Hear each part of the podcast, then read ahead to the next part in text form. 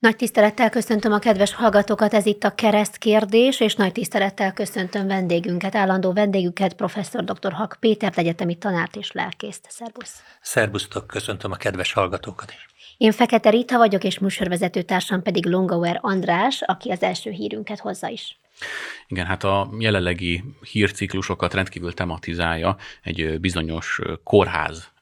hát megsemmisülése, kórházi robbanás Gázában, méghozzá azért is, mert nem csak ez, ez nem csak egy helyi probléma lett, hanem ez már túlterjedt azon, lemondtak csúcs találkozót miatta, tehát a Jordániában esedékes, ma esedékes Biden elnökkel tartott palesztinokkal és egyiptomiokkal közösen tartott csúcs találkozót is lemondták emiatt. Az arab világ az tömeggyilkosságról és ehhez hasonló dolgokról beszél, és ugye azért is érdekes a téma, mert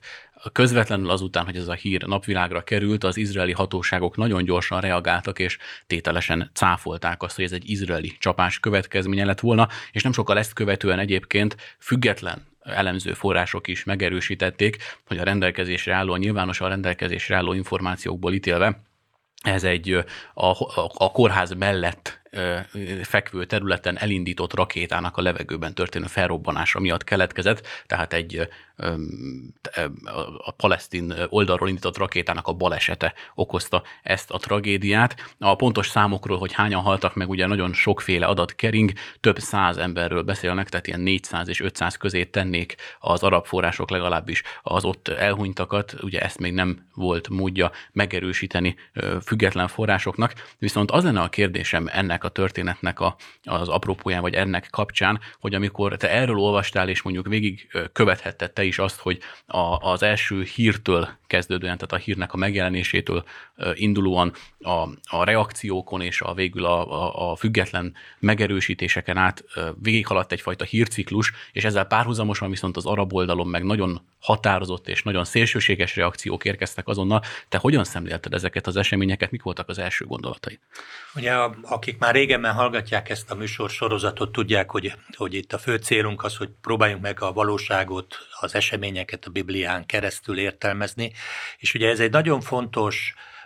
tény a mai korba,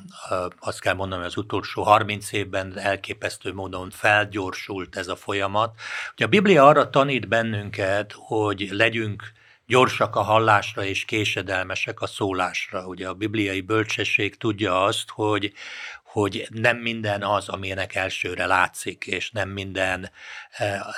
nem minden vélemény áll, állja meg a komolyabb próbát. Ugyanakkor a Biblia az utolsó időkkel kapcsolatban a hazugság erejéről is beszél, tehát keresztényeknek, vagy a, akik a Bibliában hisznek azoknak az embereknek, de akik szeretnének bibliai hit nélkül is valamennyire reálisan tájékozódni, azoknak, azoknak érdemes gyorsnak lenni a hallásra, és késedelmesek a szólásra, ami nem kedve, aminek nem kedvez a korszellem. A korszellem az, hogyha,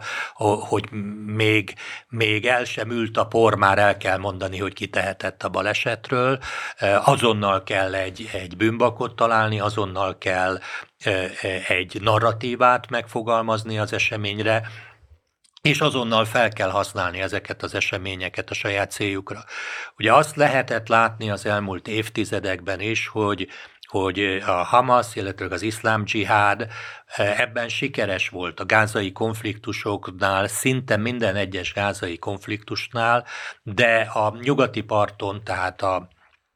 palesztin hatóság uralm alatt lévő területen történt konfliktusoknál is ez eh, megtörténik, hogy, hogy nagyon gyorsan kimondják az ítéletet, de nem engedik oda a független elemzőket, nem engedik, hogy, hogy szakemberek eh, megvizsgálják a nyomokat, hanem rögtön a saját érdekükre, a saját oldalukra fordítják, és a saját politikai hasznukat próbálják eh, ebből keresni. Ugye a,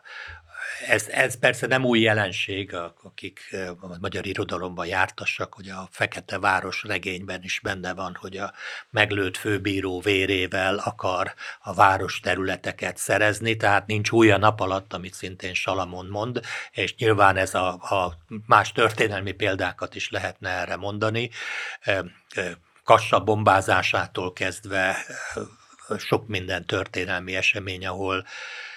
ahol hát utóbb kiderült, vagy nem derült ki, hogy nem úgy volt, ahogy, ahogy eredetileg ezt kommunikálták. De az kétségtelen, hogy a, a, az, az iszlám terroristák ebben nagyon ügyesek.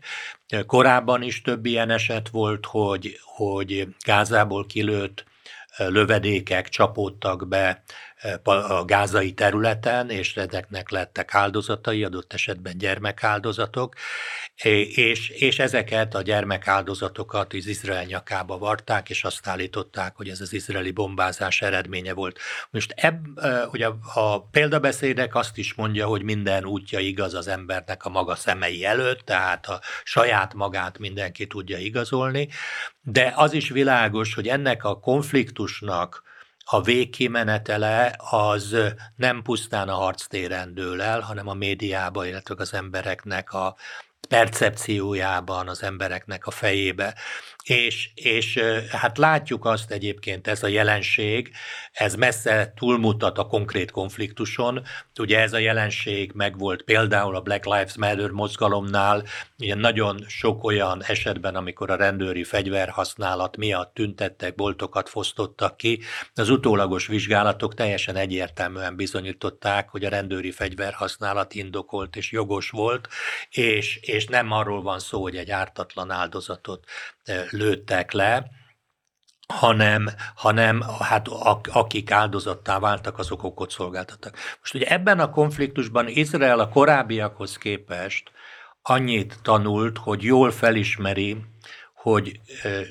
sem a hazai közvéleménye, sem a nemzetközi közvélemény nem tűrné el azt, hogyha ha ezt valóban Izrael követte volna el. Érdekes volt idefelé jövet, eh, a YouTube-on hallgattam Robert Castellnek az ultrahangban adott nyilatkozatát, ahol eh, ezt a nyilatkozatot még a kórházi támadás előtt mondta a király Tamásnak nyilatkozva, hogy hogy hát az izraeli közvélemény nem tűrne el olyat, hogyha iskolában gyerekek halnának meg, ezt nem, nem viselni el, és a nemzetközi közvélemény sem. És ezért azt kell mondanom, hogy az izraeli hadsereg szemben az iszlám terroristákkal és, a, és a, a, a,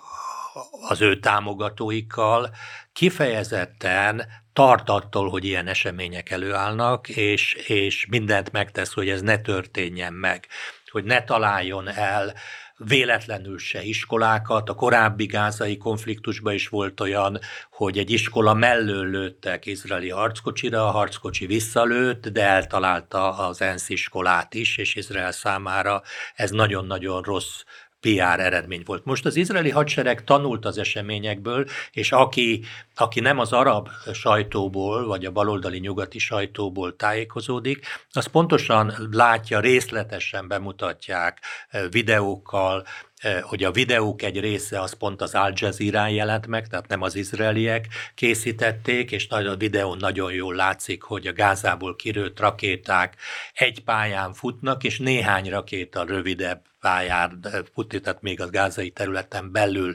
lezuhan, és látszik egy nagy robbanás, tehát a teljesen egyértelmű, újra hangsúlyozom, az Al Jazeera által készített videón, hogy ilyen történt. Látszik egy olyan videó is, ami, amit Gázából, egy ablakból filmeznek, és mutatja a robbanást, hogy ez nagyon másfajta robbanás, mint a, mint a, a, a rakétáknak, tehát a, a hadsereg által kilőtt rakéták, vagy ledobott bombáknak a robbanása. Az izraeli hadsereg is bemutatja, hogy ha ők dobtak volna oda bombát, akkor a bomba után marad egy kráter. Az összes felvétel, ami a a kórház parkolójában becsapódó valami után maradt, jól látható, hogy nem keletkezett kráter. Ezt egyébként a korábbi Gázába becsapódó rakétáknál is lehet látni, szintén az arab hírekben, hogy amikor egy házat eltalálnak, akkor a ház alatt vagy körül keletkezik egy kráter. A másik, amire hivatkoznak, szintén meg lehet nézni a többi, ami ténylegesen izraeli bomba találat, hogyha egy bomba becsapódik akár egy szabad térre, és a környező házak megsérülnek a lökés, a robbanás következtében, tehát a házakban keletkezik kisebb, nagyobb kár, néha a házak teljesen összeomlanak, vagy falak dőlnek ki, ablakok, illetve falak törnek ki, tehát strukturálisan az épület megsérül. A, az ablakok kitörnek egy, egy, egy nem bombától is, ebben az esetben is ablakok törtek ki de e, e, ezek, ezek mind dokumentálhatók, és ahogy említetted is a kérdésben, hogy ezt most már független elemzők is e, valószínűsítik. Ugye pontos vizsgálatot senki nem tud ilyen rövid idő alatt lefolytatni. A pontos vizsgálathoz az kellene, hogy független elemzők megnézhették volna azt, hogy az a, az a, azok a, a maradvány, a, a, a bombából származó maradványok, repeszek, amik az épületek körül, vagy az épületek tetején ott maradtak, ugye ezről szólnak a hírek, hogy az egyik épület tetején volt ilyen repesz, ezek, ezek hon, milyen, milyen típusúak. Ez most már ez a hajó elment, mert most már bárki elő tud szedni olyan repeszeket, amiről azt mondja, hogy ott találta. Ugye a, a én büntető igazságszolgáltatással foglalkozom, 40 éve ezt tanítom, tehát az nagyon fontos, hogy, a, hogy az eljárásban bizonyítható legyen, hogy amit bizonyítékon bemutattak, az tényleg a helyszínen találták, és nem utólag vitték oda. Tehát ebben is ez kellene az objektív vizsgálathoz, erre esélyt se adnak, ha hanem, hanem, eh, hanem gyakorlatilag a saját hasznukra fordítják ezt az esetet, de azt gondolom, hogy amennyit lehet eh, ebben az ügyben tenni, azt az izraeli hadsereg és az izraeli eh, politika megteszi. Ugye fontos elem volt a mai eseményekben, hogy az amerikai elnök nyilván nem pusztán Benjamin Netanyahu tájékoztatása alapján, hanem a saját szakember stábjának a véleménye alapján azt mondta, hogy úgy tűnik, hogy ezt a másik fél, tehát hogy a palesztin, hogy az a hiteles magyarázat, amit az izraeliek adnak erre az ügyre. Biztos, hogy, hogy óvatosnak kell lenni. Nyilvánvalóan a korábbiakban is előfordult, és ezt az a helyzet, hogy Izrael ezeket rendszeresen el is ismerte, hogy tévedésből vagy technikai hibából olyanok is áldozattá válnak, és van sajnos a háborúkban ezt az amerikai doktrina dolgozta ki, hogy vannak járulékos veszteségek. Én szeretném hangsúlyozni, hogy minden egyes életért nagyon nagy kár, amely ott elveszett. Óriási tragédia, hogy emberek meghaltak, akár 200-an, akár 500-an, akár csak ketten is de, de ezek, ezekért az eseményekért e, e, úgy tűnik, a konkrét esetért nem Izrael felelős. Ugye pár nappal ezelőtt a libanoni határnál volt, hogy ott véletlenül, tehát tévedésből nem szándékosan e, rálőttek egy egy televíziós tábra, a Reutersnek egy újságírója sajnos meg is halt, ez, ezt az izraeli hadsereg elismerte, és ezért bocsánatot kért. E, ugye azért a, a tudósítóknak e, tisztába kell azzal lenni, hogy egy várra tett kamera messziről tűnhet váról indítható rakétának is, és egy harckocsizónak nincs ideje ezt pontosan elemezni, mert hogyha ha téved, akkor az az ő életébe kerül, meg a társai életébe kerül, tehát ilyenkor könnyebben, inkább előbb lő, és utána nézi meg. Ez nem várható el egy hadi helyzetben, hogy bárki saját magát áldozza fel. De ez az eset egyébként nagyon-nagyon jól rámutat arra, hogy a Hamasnak egy percig nem számított sem az izraeli civilek élete, sem a, a, a gázai palesztinok élete. Egyébként az izraeli arabok élete sem, ugye legalább két tucat izraeli arab polgár halt meg eddig a konfliktusokba. Ugye csapódtak be rakéták arabok által lakott izraeli területekre is, és ott áldozatokat is szedtek. Tehát gyakorlatilag számukra az ember élet nem számít, sőt, minél több ember hal meg, minél tragikusabb, annál úgy érzik, hogy annál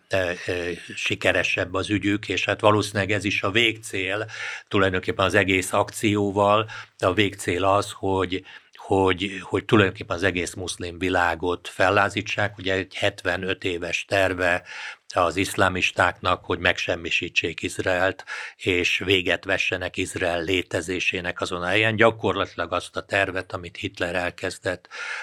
a 30-as években, azt végrehajtsák, tehát, hogy ahogy Hitler megölt 6 millió zsidót, ők is megöljenek, megöljék az Izraelben most élő körülbelül 7 millió zsidót, vagy elüldözzék őket arról a földről. Én egy idézetet hoznék azért ide, Yitzhak Herzog izraeli elnök modernkori vérvádnak nevezte a vádakat itt az izraeli kórházzal kapcsolatban. Most azért a helyzetet felvázoltad, hogy mi is történt, illetve milyen érvek vannak ugye az ellen, hogy Izrael követte ezt el, és azt mondta, hogy szégyelje magát a média, mely lenyeli a Hamas és az iszlám dzsihád hazugságait, egy 21. századi vérvádat sugároznak világszerte, szégyeljék magukat az ajos terroristák Gázában, akik szándékosan ontják az ártatlanok vérét, írta Herzog, és itt a vérvád miatt olvastam föl ugye ezt az idézetet. Pont egy szakértővel beszéltem egy pár napja, és ő azt mondta, hogy például az Európában élő muzulmán bevándorlók többsége, aki ugye magának a befogadó országnak sokszor a nyelvét nem is beszéli, vagy csak nagyon ritkán, vagy nagyon keveset ért azon, ugye ilyen alternatív médiákból szokott általában táplálkozni és értesülni, és hát ugye nagyon könnyű a médiát felhasználva egyébként ilyenkor további feszültségeket gerjeszteni, és fogunk is majd beszélni ugye itt az eseményekről, akár a brüsszeli terrortámadásról, stb. De egyébként mit gondolsz, helyes meghatározás ez a modernkori vérvád? Abszolút egyetértek az Izrael állam elnökével, aki és valóban azt mutatja egyébként, mutatják a fejlemények, egy héttel ezelőtt beszélgettünk itt, és az azóta történt események is ezt mutatják, hogy, hogy az, az Izraelt és zsidóságot gyűlölő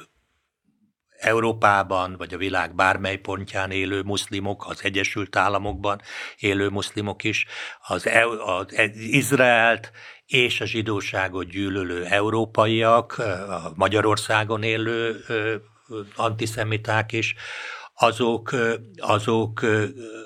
örülni tudnak azoknak a szörnyűségeknek, ezer izraeli civil áldozatnak, gyerekek lefejezésének, terhes anyuka hasából kivágott gyerek. Szóval a legborzalmasabb dolgoknak ezeket feltétel nélkül támogatják, és tulajdonképpen hát az egyik legnagyobb tanulsága ennek az egész eseménysornak visszatérve az egy héttel ezelőtti beszélgetésünknek, hogy egyszerűen fel kell, le kell számolni illúziókkal. Le kell számolni azzal az illúzióval, hogy, hogy, eh, hogy bizonyos nézeteket valló emberek eh, jó hiszeműek, meggyőzhetőek, ugyanazokat az értékeket vallják, mint az emberiség egésze, eh, hogy, hogy humánusak, hogy, hogy, hogy, hogy egyáltalán a tényekkel meggyőzhetőek. És ugye a, a hírközlés kapcsán, a vérvádak kapcsán, ugye a, a vérvádaknak is az volt a sajátossága, hogy ezek nagyon nem, nem adtak esélyt arra, hogy bárki ellenőrizze ezeknek a, a, az állítását. Ugye a Tisza Eszlári per jól ismert, aki egy picit ismeri a Bibliát, az Ószövetséget, az, az pontosan tudja, hogy a zsidók nemhogy szűzlányok védét nem kerevelik bele a macezba, semmilyen vért nem kevernek bele semmiben, mert az egyik legfontosabb törvény a, a, a vérevés tilalma, ami egyébként a új szövetségben az apostolok cselekedete alapján a keresztényekre is kötelező lenne, tehát a vérevésnek a tilalma, de, de ez igazából senkit nem érdekelt, hogyha az előítéleteknek, előítéleteiknek ez, ez megfelelt. Ja, a másik nagyon fontos dolog, ami, ami a közösségi média média eh, romboló hatása. Ugye korábban szokták mondani, hogy, hogy olyan BBC standard, vagy Reuters standard volt az, hogy legalább két egymástól független, meg, eh, megerősített forrásból kell egy hírnek, eh, egy hírt legalább két forrásból alá kell támasztani ahhoz, hogy leközöljék ezt. Ugye hosszú ideig az írott sajtóban, az, elektronikus sajtóban is ez követelmény volt. Zárójelben jegyzem meg, hogy ez nem BBC és nem Reuters, hanem Biblia követelmény, amely azt mondja, hogy legalább két vagy három bizonyságon áll meg valami. De ugye a modern, a, már, a, már a, kereskedelmi csatorna csatornák, a kábeltelevíziózás elindulásánál ezt már kezdték feladni, mert minden, mindennél fontosabb a gyorsaság, tehát messze-messze felül haladja a gyorsaság, a hitelesség követelményét. A bibliai követelmény a hamis tanúbizonyságot ne tégy parancsolata alapján ugye a kilencedik parancsolat, a tíz parancsolatból, a bibliai követelmény az lenne, hogy, hogy hazug hírt ne hordj, mondja szintén a, a Biblia a te néped között, tehát, hogy, hogy a hitelesség lenne az alapkövetelmény, de a, magyar, a modern médiában, a modern kommunikációban a, a nézettség dönt el mindent, és a nézettségnek semmi köze a hitelességhez, és ezért minden információ, amit gyorsan kidobnak, az óriási hatást tud lenni. Tulajdonképpen azt kell mondanom, hogy a Hamas a,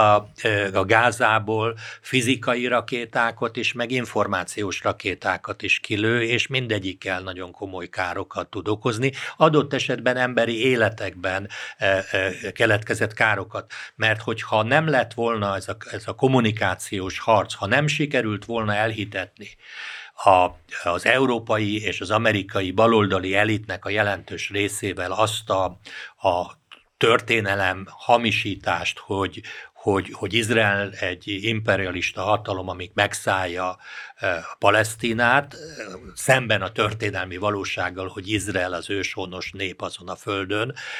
ahova az arabok évszázadokkal a zsidók után kerültek oda, és, a, és időben is hosszabb ideje laknak ott zsidók, mint arabok. Tehát miután ezt sikerült eladni, utána már sikerül eladni a terrort, mint szabadságharcot, utána már sikerül szimpátiát kivágtani csecsemők meggyilkolása, asszonyok megerőszakolása, megerőszakolása, vagy lányok megerőszakolása mellett is, és, és tényleg úgy gondolják, hogy, hogy ezzel nincsen probléma, és hogy ez is megengedhető abban a nemes harcban, ami a, a szabad Palesztináért küzd, de akik szabad Palesztinát mondanak, azok az izraeli zsidók megsemmisítése mellett érvelnek, és mégis nyugati egyetemeken, amerikai egyetemeken ez szalonképes álláspont. Ez őszintén szólva, ezt 20 évvel ezelőtt, ha ezt mondják nekem, nem hiszem el, de látjuk, hogy mennyit romlik a világ, és senkinek ne legyen illúziója, hogy ez a folyamat nem fog megfordulni, ez csak egyre rosszabb irányba mehet a jövőben is. Ezért nagyon fontos Szerintem mielőtt az ember véleményt nyilvánít, mielőtt kommentel valamit, vagy mielőtt lájkol valamit, vagy, vagy állást foglal valami mellett, nagyon fontos bibliai alapon a tényekről tájékozódni és megvárni az interpretációt. Ebben az ügyben most ismerjük az egyik álláspontot és a másik álláspontot. Az egyik, az, az egyik mellett nagyon kevés tény szól, a másikat tények támasztják alá, de mondjuk az igazságszolgáltatásban vagy a kriminalisztikában egy alapkérdés az, hogy kinek az érdeke, és ez nyilvánvaló, ez az esemény bizonyosan nem érdeke Izraelnek semmilyen vonatkozásban.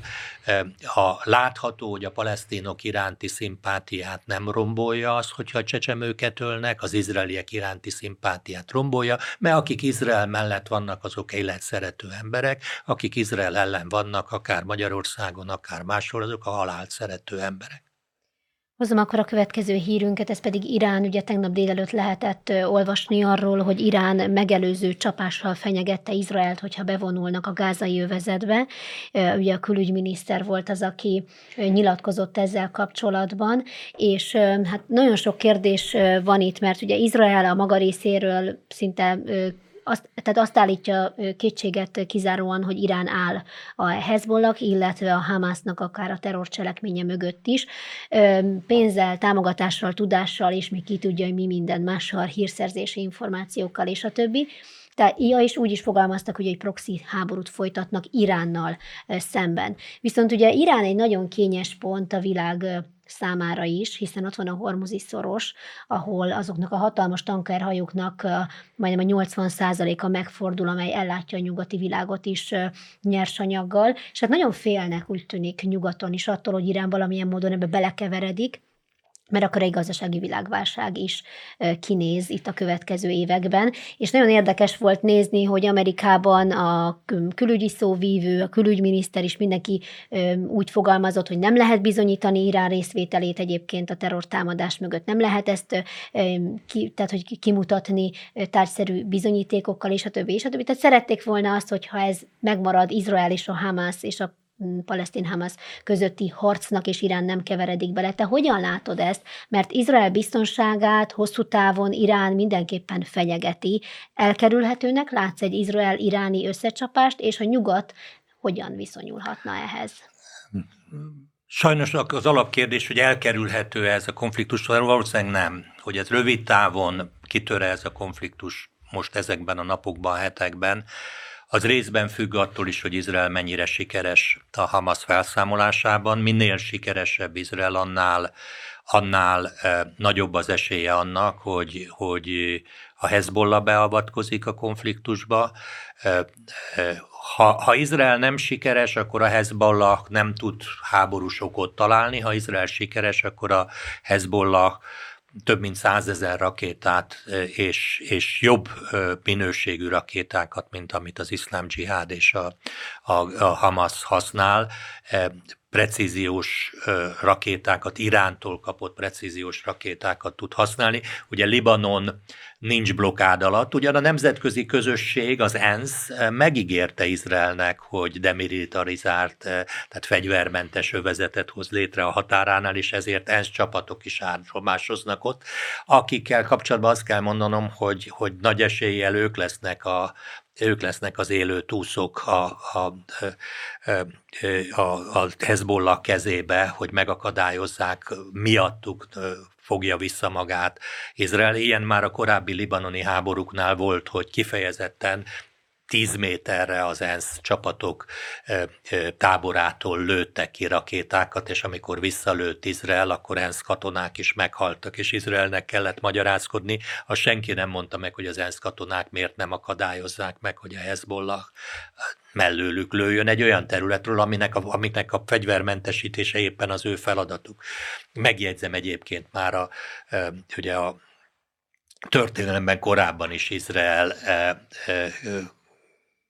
nek kárára volt az ENSZ jelenléte, mert a szuezi eh, eh, válság előtt is ugye izraeli vagy ENSZ katonák állomásoztak, akik az arabok első szavára elhagyták a területet, és, szav, és rátámadtak Izraelre. Tehát ugye ott eh, a Hezbollah beavatkozik,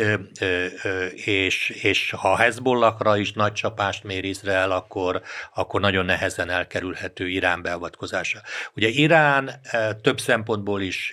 nagy veszélyt hordoz, egyfelől amit említettél a Hormozi szorosnál, meg tudja bénítani a világ olaj ellátásának egy jelentős részét, e, e, plusz e, a törzség egyik legerősebb hadseregével rendelkezik Irán, Ugye annak következtében, hogy a nyugati beavatkozás gyakorlatilag destabilizálta a közel-keletet, ugye Iránnak volt egy, egy ellensúlya Irak szemében, ugye borzalmas háborút vívtak, amivel egyébként Európa nem foglalkozott, két millió ember halt meg abba a háborúba, de akkor ugye a, a, a szunita Irak és a síta Irán, az ugye egyik szunita arab, a másik síta perzsa ország, két, az iszlámnak két különböző, nagyon komolyan ellentétben álló ága, között zajlottak háborúk. Irán megerősödését mindig Irak akadályozta. Ugye azt a háborút Irak kezdte, és Irán nyerte meg, de azért a Saddam Hussein által vezetett Irak azért még ellensúlyt jelentett Iránnal szemben a Saddam Hussein rendszerének megdöntése és a Irak káoszba sodrása azt eredményezte, hogy Iránnak a közvetlen térségben nincsen ellensúlya, Szaúd-Arábia a másik ellensúly, de ugye Szaúd-Arábia olajszállítását is Irán fenyegeti, tehát Irán eh, tartja a kezét azon a, azon a csövön, amin keresztül a szaudi olaj el tud jutni a világhoz, és hát itt jön újra például az iráni atomfegyverkezés terve, amiben ugye illúziókat táplal ebben is a világ. Ugye azt mondják, hogy hát az Irán nem fogja atomfegyverrel megtámadni Izraelt, mert ha megtámadná, mennyi civil, mennyi arab áldozat lenne. Csak egyszerűen a gondolkodásmódot nem értik az európaiak, hogy uh, ugye a, a,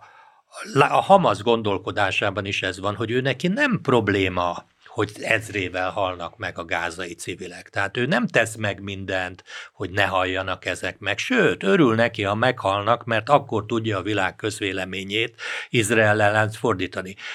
Az iráni muzulmánok számára az az adott esetben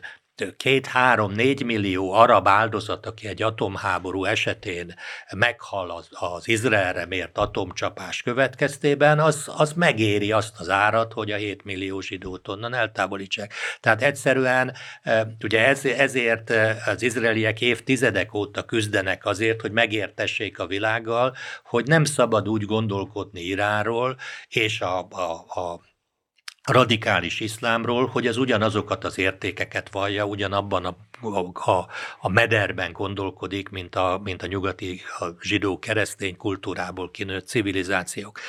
E, ugye Irán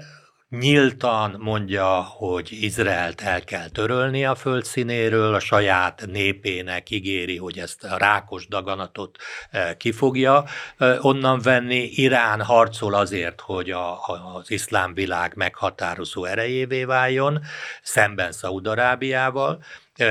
Nekem meggyőződésem, hogy a mostani konfliktus alapmozgatója, hogy, hogy közeledett Izrael az arab világhoz, és ez, ez a, a perzsa Iránnak a pozícióját nagyon egyengítette. Ugye Irán, a síta Irán hajlandó egy szunita szervezettel, a Hamas ugyanis szunita szervezet együttműködni azért, hogy, hogy Izraelt el lehetetlenítse, meggyőződésem, hogy sem Irán, sem más nem gondolja azt, hogy a Hamas ki tudja űzni a zsidókat a Palesztina, az általuk palesztin területnek nevezett egykori Izrael területéről, csak akkor tudják ezt megtenni az ő logikájukban is, hogyha az egész iszlám világ összefog Izrael szemben. Erre már több kísérlet történt, azt gondolom, hogy ez egy újabb fordulat ennek a kísérletnek. Elképzelhető, hogy az Egyesült Államok, e, még az is elképzelhető, hogy Oroszország visszatartaná Iránt, de Oroszország például az ukrajnai háború miatt nagyon nehéz helyzetbe került, meg ki van szolgáltatva Iránnak, tehát le van kötelezve Irán irányába, e, tehát ezért ezek a fejlemények e, hát mindenképpen rosszul alakulnak. Izrael az Egyesült Államokkal együtt ellen tud állni egy ilyen csapásnak. Eh, Jordánia elvileg be tud avatkozni a konfliktusba, de, de ezt valószínűleg nem teszi, mert a Jordán királyság eh, ezen csak veszíthet. Szíriának belül elég nagy problémái vannak ahhoz, hogy ne szívesen lépjen be egy ilyen harcba. Tehát gyakorlatilag Irán, illetőleg a Hezbollah északról, tehát a libanoni terrorszervezet az, amelyik beavatkozik. Ha, ha Hamas is súlyos vereséget szenved meg, meg a, a Hezbollah is súlyos vereséget szenved, akkor, akkor Irán egy kényszerpályára kerül, gyakorlatilag megszűnik a befolyása, hogyha nem avatkozik be a konfliktusba. Tehát ezért én azt gondolom, hogy, hogy a, a konfrontáció nem elkerülhető. Az, hogy ez most, most rövid távon egy-két napon, héten vagy hónapon belül, vagy vagy pár év múlva következik be, azt nem tudjuk, de, de tehát egyértelmű, hogy ebbe az irányba megy a, a, a, az eseményeknek a dinamikája. Igen, és Európában is hát zajlanak az események, méghozzá igencsak aggasztó események. Ugye beszámolók szólnak különböző pontjairól Európának, például bombariadó miatt kellett több francia repteret is kiüríteni, eddig hat reptéről jeleztek bombariadót. Ma, azaz szerda, tehát adásunk készült, akkor szerda reggel molotov koktélos támadást intéztek például, tehát molotov koktélokat dobtak például az egyik berlini zsinagógába, illetve folyamatosak a zavargások Európa több pontján, az Egyesült Királyságban, Franciaországban, Németországban is még lehetne sorolni. Ugye az, az európai vezetés egyébként elég határozott hát álláspontot foglalt ugye az izraeli konfliktus kapcsán, és ugye a Hamas, illetve palesztin párti tüntetéseket is hát Európa szerte nagyon sok helyen betiltották, viszont az avargások ennek ellenére zajlanak és folytatódnak. Hogy látod te most az európai helyzetet? Ugye nagyon sok szakértő nyilatkozott nekünk itt a rádióban is az elmúlt időszakban, és többen is kiemelték az illegális migráció okozta hát biztonsági hát kellemetlen helyzetet, amelyet most eredményezett a mostani helyzet tekintve, az illegális migráció okozta beáramlás következtében ők azt mondják, hogy nagyon sok olyan ember érkezett Európába, aki igazából, ha nem is közvetlenül, de közvetetten biztosan érdekelt például az izraeli-palesztin konfliktus kérdésében is, és nagyon szoros kapcsolatban áll egyébként az arab országokban található különböző szervezetekkel, NGO-kkal, akár egyébként terrorszervezetekkel is. Te hogy látod ennek a helyzetnek a, az érzékenységét, a biztonsági kérdéseket? Mi most Európa jelenlegi kihívása? Ugyanahoz a gondolathoz tudok visszatérni újra és újra, amikor azt mondom, hogy az illúziókkal le kellene számolni. A, tulajdonképpen a nyugati világ a, a emberiség együttélésével kapcsolatban illúziókat táplál. Ugye nagyon sok kérdésben nem értek egyet Gábor Györgyel, a, a zsidóképző egyetem,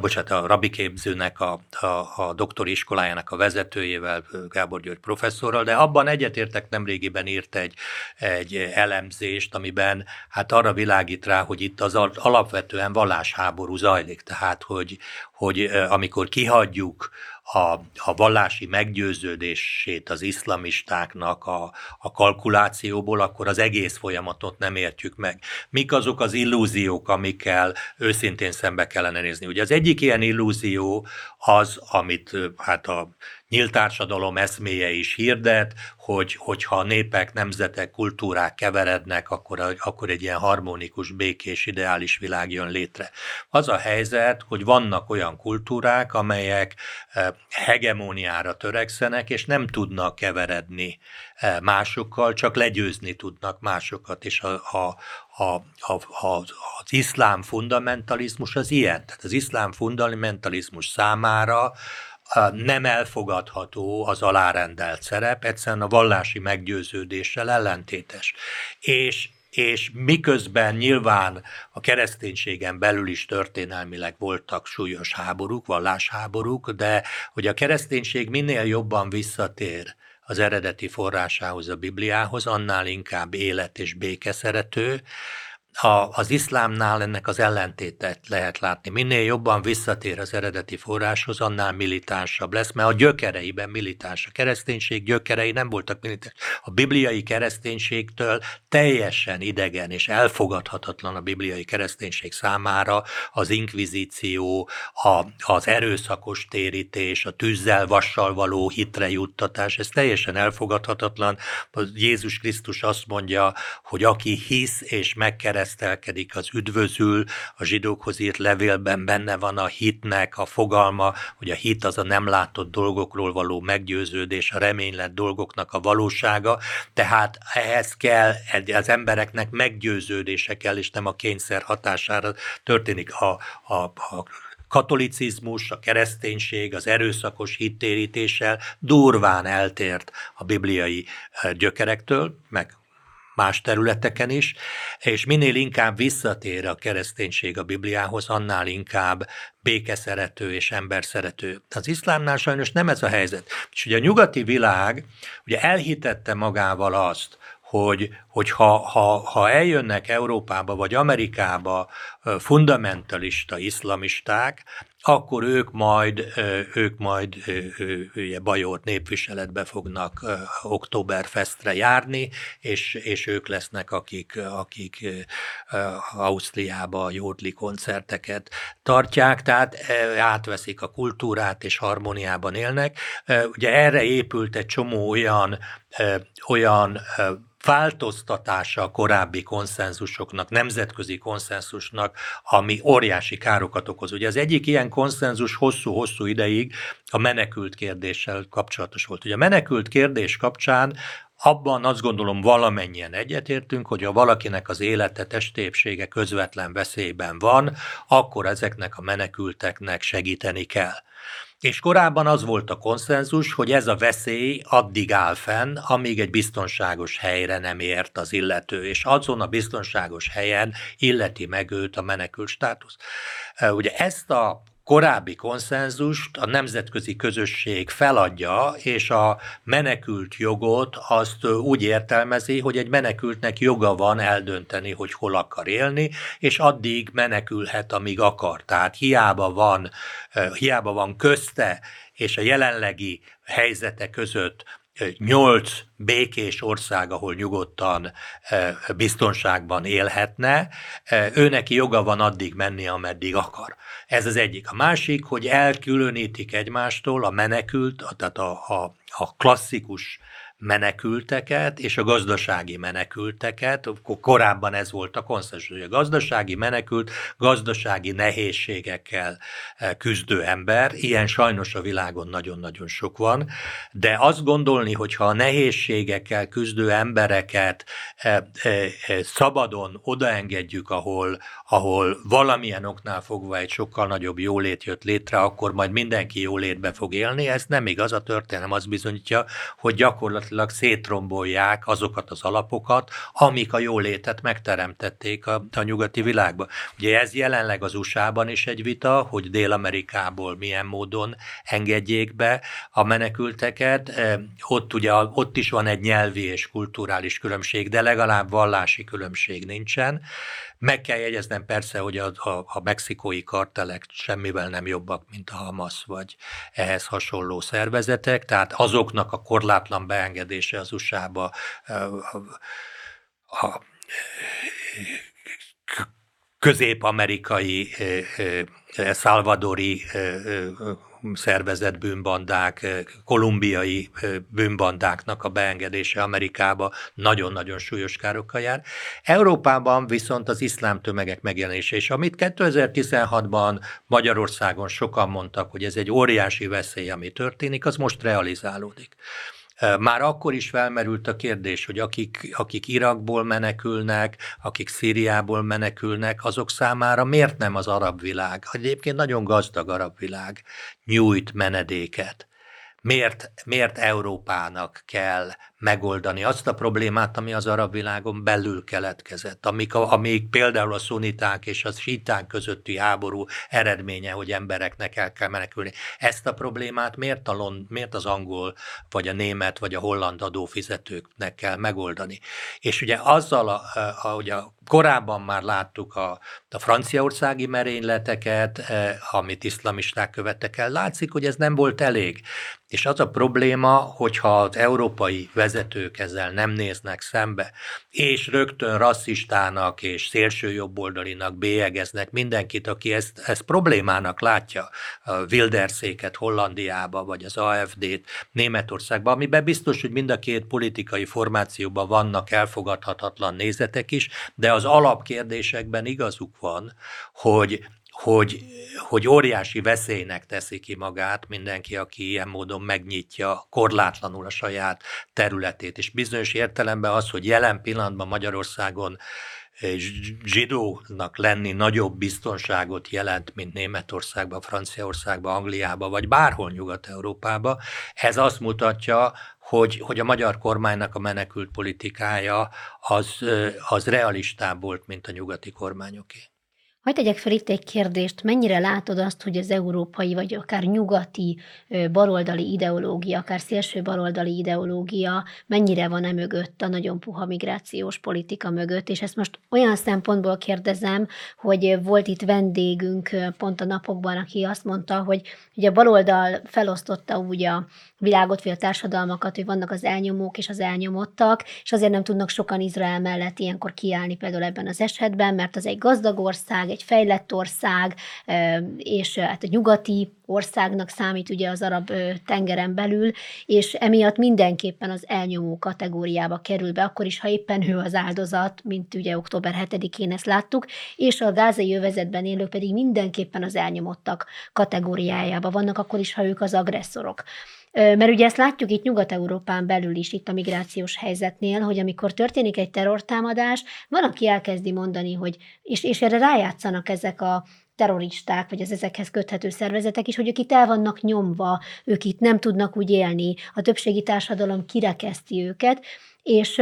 és hát nagyon sokan megeszik ezt a narratívát. Abszolút egyetértek, és ha már említettem egy baloldali szerzőt, akivel egyetértek, jobboldalit is, hadd említsek, a, a Mandinerben megadja Gábor írt erről egy cikket, és szerintem jól látja, hogy, hogy hogy ugye Izrael nem tud az áldozat szerepébe kerülni, és ezt én régóta képviselem ezt az álláspontot, hogy a, ma, a mai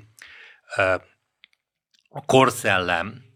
az, az az áldozatokat szereti. Tehát ha egy ember áldozatként tudja bemutatni magát, akkor meg tudja mozdítani a környezetét, szimpátiát tud kiváltani, ha egy mozgalom áldozatként tud fellépni, ha egy ország áldozatként tud megjelenni, akkor ezt meg tudja tenni. És szintén valamelyik izraeli eh, labban olvastam egy, egy fontos elemzést, hogy a szerző azt írja, hogy, hogy a holokauszt után a zsidók nem akarnak, egyszer nem hajlandók az áldozat szerepével azonosítani magukat, mert olyan mély traumát okozott nekik az az áldozati szerep, amiben benne voltak a, a holokauszt idején, hogy az izraeli zsidók ezt nem akarják, ők a győztes szerepébe akarnak lenni. És valóban azt kell mondanom, hogy, hogy a kezdetektől, tehát Izrael állam kezdeteitől eh, Izrael nem akar áldozatként megjelenni. Tulajdonképpen a, már az intifádák idején is, a második intifáda idején több mint 2000 ember halt meg Izraelben évek alatt a terrortámadások következtében. Jeruzsálemben buszokat robbantottak fel, pizzázóban robbantottak, diszkó előtt várakozó embereket robbantottak fel Tel Avivban, és Izrael ilyenkor mindig vigyázott arra, hogy Izraelben elég a katonai okok miatt elég erős cenzúra van, ezt ők se vitatják, tehát Izraelben lehetséges az, ami a világ más országai nem, hogy a, a, a hadsereg, illetőleg a biztonsági szervek megtiltanak közléseket, ez bírói felülvizsgálattal történik, de bizonyos tényeket nem hozhatnak nyilvánosságra. Így például az áldozatoknak a fotóit, ugye csecsemőket, halott csecsemőket, halott nőket, halott embereket részben részben kegyeleti okból sem tették nyilvánosságra, részben pedig, pedig ez a, ez a, én nekem úgy tűnik így kívülről, hogy ők nem akarnak áldozatként a világ szemébe megjelenni, mert ha áldozatként jelennek meg, akkor ez felbátorítja az ellenségeiket. És ugye most október 7-én történt évtizedek után először, amikor áldozatként jelennek, most is jelennek meg izraeliek, most is nagyon óvatosan mutatják be a fotókat, nem teszik közé, bizonyos szűk körben teszik közé, ugye az izraeli eh, eh, honvédelmi miniszter, NATO eh, honvédelmi miniszterekkel tárgyalva a hírek szerint ugye ilyen kitakaratlan fotókat mutatott meg nekik, de ezt nem, az izraeli sajtóban nem találunk ilyeneket, hogy, hogy lelőtt áldozatok. A közösségi médiában lehet látni, de azok alapvetően inkább arab forrásokból, meg nyugati forrásokból vannak, mert nem akarnak áldozattá válni. A nyugati világ gondolkodása az, hogy aki áldozat, az jó ember aki áldozat, amellé kell állni. És tulajdonképpen hogy a, a palesztinok, illetve az iszlamisták erre jöttek rá, hogy mindaddig, amíg ők áldozat szerepbe tudják feltüntetni magukat, addig Izraelt két oldalról, illetve a nyugati világot két oldalról tudják támadni. Kívülről és belülről a saját, eh, hát azt kell mondanom, a saját, a nyugati világ saját hasznos ide, idiótáink keresztül, akik, akik beveszik ezeket a szövegeket, és, és hát nyilván a nyugati világ eh, haszontalan gyűlölködői eh, és, és Bibliát gyűlölő, Isten gyűlölő, Izrael gyűlölő, a kereszténységet gyűlölő embereink keresztül. Ugye ezt ne felejtsük el, hogy Izrael léte önmagában egy csapást jelentett az iszlámra, mert az iszlámnak a felsőbbrendűségét megkérdőjelezte, hogy a 48-tól kezdődően, hogy a több száz milliós iszlám nem tudja ezt, akkor még csak 800 ezeres Izraelt eltörölni a földszínéről. Csapást jelent az iszlám léte a materialistáknak is, akik azt mondják, hogy a Biblia az csak ilyen sivatagi törzsekben élő emberek írományainak gyűjteménye. Nem tudják ők megmagyarázni, hogy akkor a proféciák hogyan teljesednek meg az egybegyűjtésbe. Csapást jelent a tradicionális kereszténység azon részének, amelyik, amelyik eh, eh, azt gondolta, hogy a bibliai proféciai ígéretek azok, azok Izraelnek adott ígéreteknek, Izrael méltatlanná vált, és az egyház lépett az, az ígéretek helyére, ugye ez a helyettesítési teológia. Mondják ezt annak ellenére, hogy a Róma levélben Pálapostól nagyon világosan elmondja, hogy nem vettetett el Izrael, hanem, hanem, hanem mi miattunk került egy hátrányos helyzetben, amíg a pogányok teljessége be nem jut az üdvösségbe, és, és hát a, a Bibliában az evangéliumi keresztények, ezt minden alkalommal, amikor ez szóba kerül, elmondjuk, azért tekintenek szimpátiával Izraelben, mert a bibliai proféciák beteljesedését látják benne. De mindazok, akik a Bibliában nem hisznek, azoknak az Izrael léte egy súlyos csapás. Tehát a nyugati baloldalnak is, akik a mai napig is kőkemény marxisták, eh, eh, kommunisták egy részük, eh, és, a, és az egész gondolkodásmódja abban épít, hogy a világban lévő rossznak nem az emberben lévő rossz az alapja, hanem az elnyomás az alapja. Ha megszüntetjük az elnyomást, megszüntetik, megszűnik a rossz. De hát a világban nagyon-nagyon sok példa mutatja, hogy ha valaki, valaki nem elnyomott helyzetben van, gazdag, jól mennek a dolgai, abban is feltörtik a rossz, azoknak egy része is súlyos alkoholista, drogfüggő, gyere, pedofil, házastársát bántalmazó, tehát ha igaza lenne a marxista teológiának, akkor ha az emberek kiszabadulnak az elnyomás alól, akkor boldogok és elégedettek lennének, de ez nem így van. Tehát én azt gondolom, hogy ebben, amit, amit kérdeztél, igen, baloldalnak óriási szerepe van ebben, és, és biztos, hogy a következő napokban minél sikeresebb az izraeli offenzíva, annál inkább fel fognak erősödni ezek a hangok. Ugye állandóan visszatérő elem, hogy Izraelnek arányosan kellene reagálni. Láttam egy valamelyik szintén egy amerikai vagy angol tévéadón egy ilyen beszélgetést, akkor a riporter kérdezi az interjú alanyt, hogy hogy, hogy arányos, tehát hogy, hogy nem kellene Izraelnek arányosan reagálni, és mondja a riportalany, hogy ez most akkor ez azt jelenti, hogy Izraelnek kellene keresni Gázába egy rock koncertet, ahol meg kellene találni 250 embert, akit megöl, meg kellene, találni kellene babákat, akiket lefejez, meg találni kellene nőket, akiket megerőszel. Az az arányos válasz. Mit értenek az arányos válaszon egy ilyen csapás után? Tehát, eh, tehát ez a nyugati világnak ezek a mantrái, ezek gyakorlatilag gyakorlatilag hamis világképen, hamis emberképen alapulnak, egy, egy, egy rossz, hibás antropológiai képen, az emberről alkotott kép hibás, és ezzel nem akar szembenézni a világ. Ugye a Bibliában azt látjuk Jézus proféciájában, hogy az utolsó időkben olyan idő lesz, mint Noé idejében, mondja Jézus, hogy az emberek nem vesznek észre semmit. De ha megnézzük az Ószövetségben, hogy Noé idejére mi volt jellemző, akkor azt látjuk, hogy azt olvassuk a, a Mózes első könyvének hatodik fejezetében, hogy megtelt a föld gonoszsággal, meg erőszakossággal telt meg, az embereknek a gondolatai gonoszak lettek. Hát én azt gondolom, hogy e felé megy most sajnos a világ, illetve nem sajnos, tehát számomra, mint keresztény ember számára ez egy újabb bizonyíték a proféciák hitelességére, de hogy a világ egyre kevésbé élhető, az, az, az sajnos. Az sajnos. Na akkor témát váltunk, egy nagy-nagy témaváltás lesz Lengyelország. Vasárnap voltak a lengyel választások, azóta is mindenféle híreket lehetett olvasni a médiában, hogy most ki is nyerte meg ezt a választást, nem volt annyira egyértelmű. Most úgy tűnik, hogy a legtöbb szavazatot a jog és igazságosság pártja kapta a PISZ, viszont nem biztos, hogy kormányt tudnak alakítani, sőt, szakértők inkább arra teszik a voksukat, hogy valószínűleg inkább az ellenzék fog tudni kormányt alakítani Donald Tusknak a vezetésével. A magyar ellenzék már egyébként örül ennek a fejleménynek, mert ugye Tuskról az a hír járja, hogy egy európer politikus, tehát ennek a, az európai fősodornak beilleszkedő politikus, és nem is biztos, hogy Orbán Viktorral majd jól ki fognak jönni, hogyha valóban ő lesz a miniszterelnök. De hogy látod ezt? Egyrészt Magyarország számára mit jelent Donald Tusknak a esetleges miniszterelnöki elnökké válása, és, és a lengyel választásról egy pár szót csak, ugye ez egy kétkamarás rendszer, kétkamarás parlament, egy picit más, mint a miénk, ezért nem is biztos, hogy értjük. Uh, tulajdonképpen a, a, a választási rendszer ilyen szempontból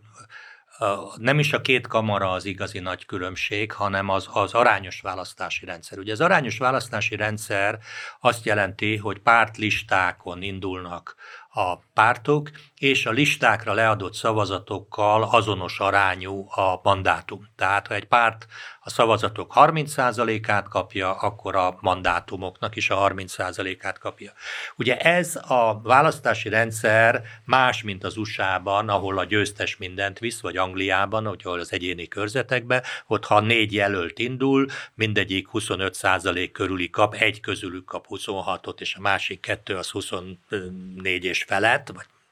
tehát matematikailag három szavazattal többet kap egy, mint a többiek, akkor ő kapja meg a mandátumát, és akkor az ott a vesztesekre leadott szavazat, az, az el, ez elvész, tehát az nem hasznosul. Most ezzel szemben az arányos választási rendszerben, úgymond a választói akaratot azt a parlament összetétele tükrözi. A probléma ezzel az, hogy ez az arányos választási rendszer gyakorlatilag a, a kis pártoknak a túlhatalmát eredményezi, mert kiegyensúlyozott helyzetben nem a legtöbb szavazatot kapó, tehát nem a legnagyobb társadalmi támogatottsággal rendelkező párt alakít kormányt, hanem valaki más. Ez az arányos rendszer, vagy ez a választási rendszer instabilitást eredményez. Ugye ezt láttuk Hollandiában 9 vagy 10 hónapot vett igénybe a legutóbbi választások után a kormányalakítás. Belgiumban volt, hogy évekig nem tudtak kormányt alakítani. Izraelben az utóbbi években ugye öt választás volt, a mostani az ötödik, ami, ami ahol egyikben sem sikerült stabil kormányt, a mostani sem lett stabil kormány. Ugye az elmúlt héten az ellenzék becsatlakozása, ugye a ellenzék egy részének a becsatlakozása a válságkormányba stabilitást biztosított a mostani kormánynak, de ez is felbátorította az ellenségeket, hogy hát hónapokig voltak csak hatalmon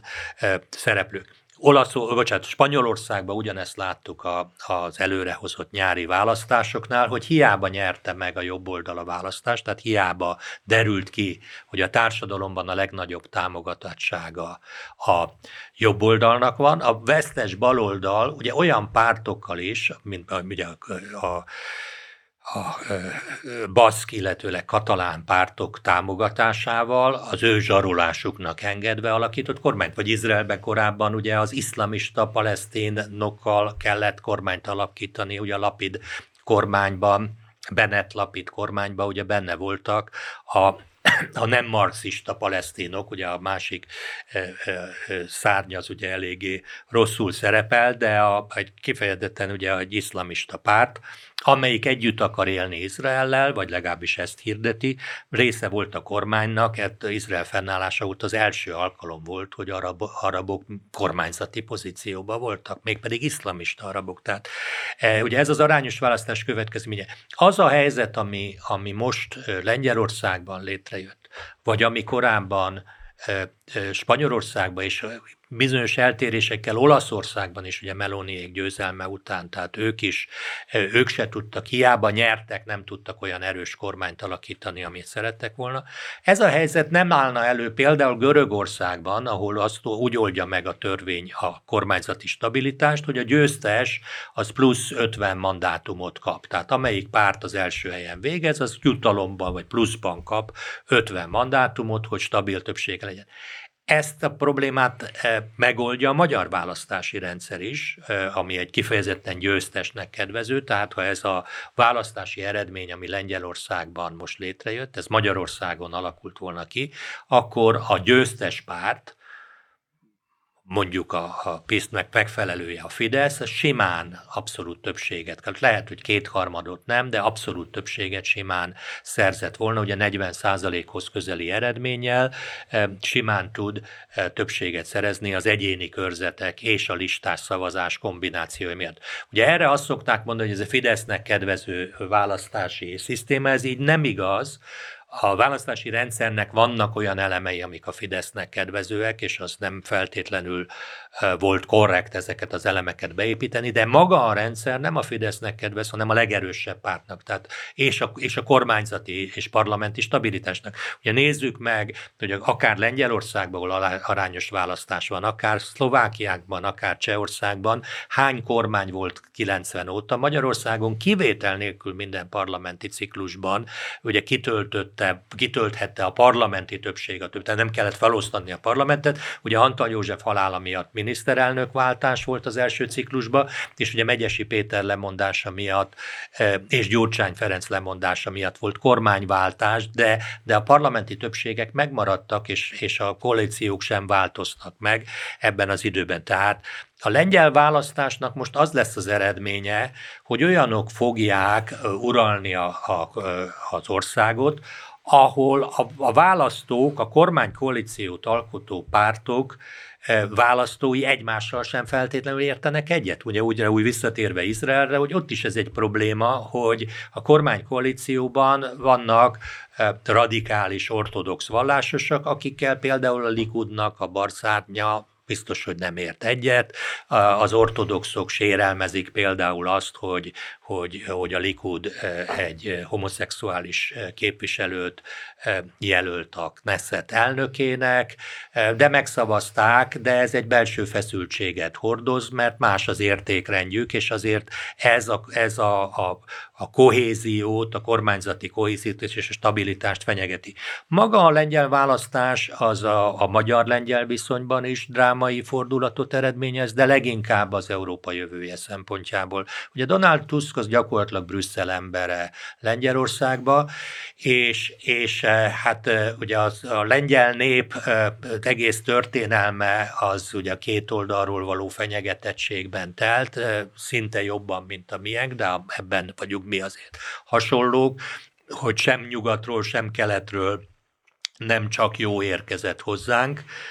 Mind a két oldalról Lengyelországot meg akarták semmisíteni, és meg is szállták. Most gyakorlatilag ugye Lengyelország tulajdonképpen Brüsszel kormányzása alá került Tuskon keresztül, és, és ez nagyon megerősíti a brüsszeli bürokráciát a, az európai birodalom építésének gondolatában. Ezzel a birodalommal kapcsolatban meg a Biblia alapján csak azt tudjuk mondani, hogy a Bibliában nincs pozitív birodalom, tehát van perzsa birodalom, van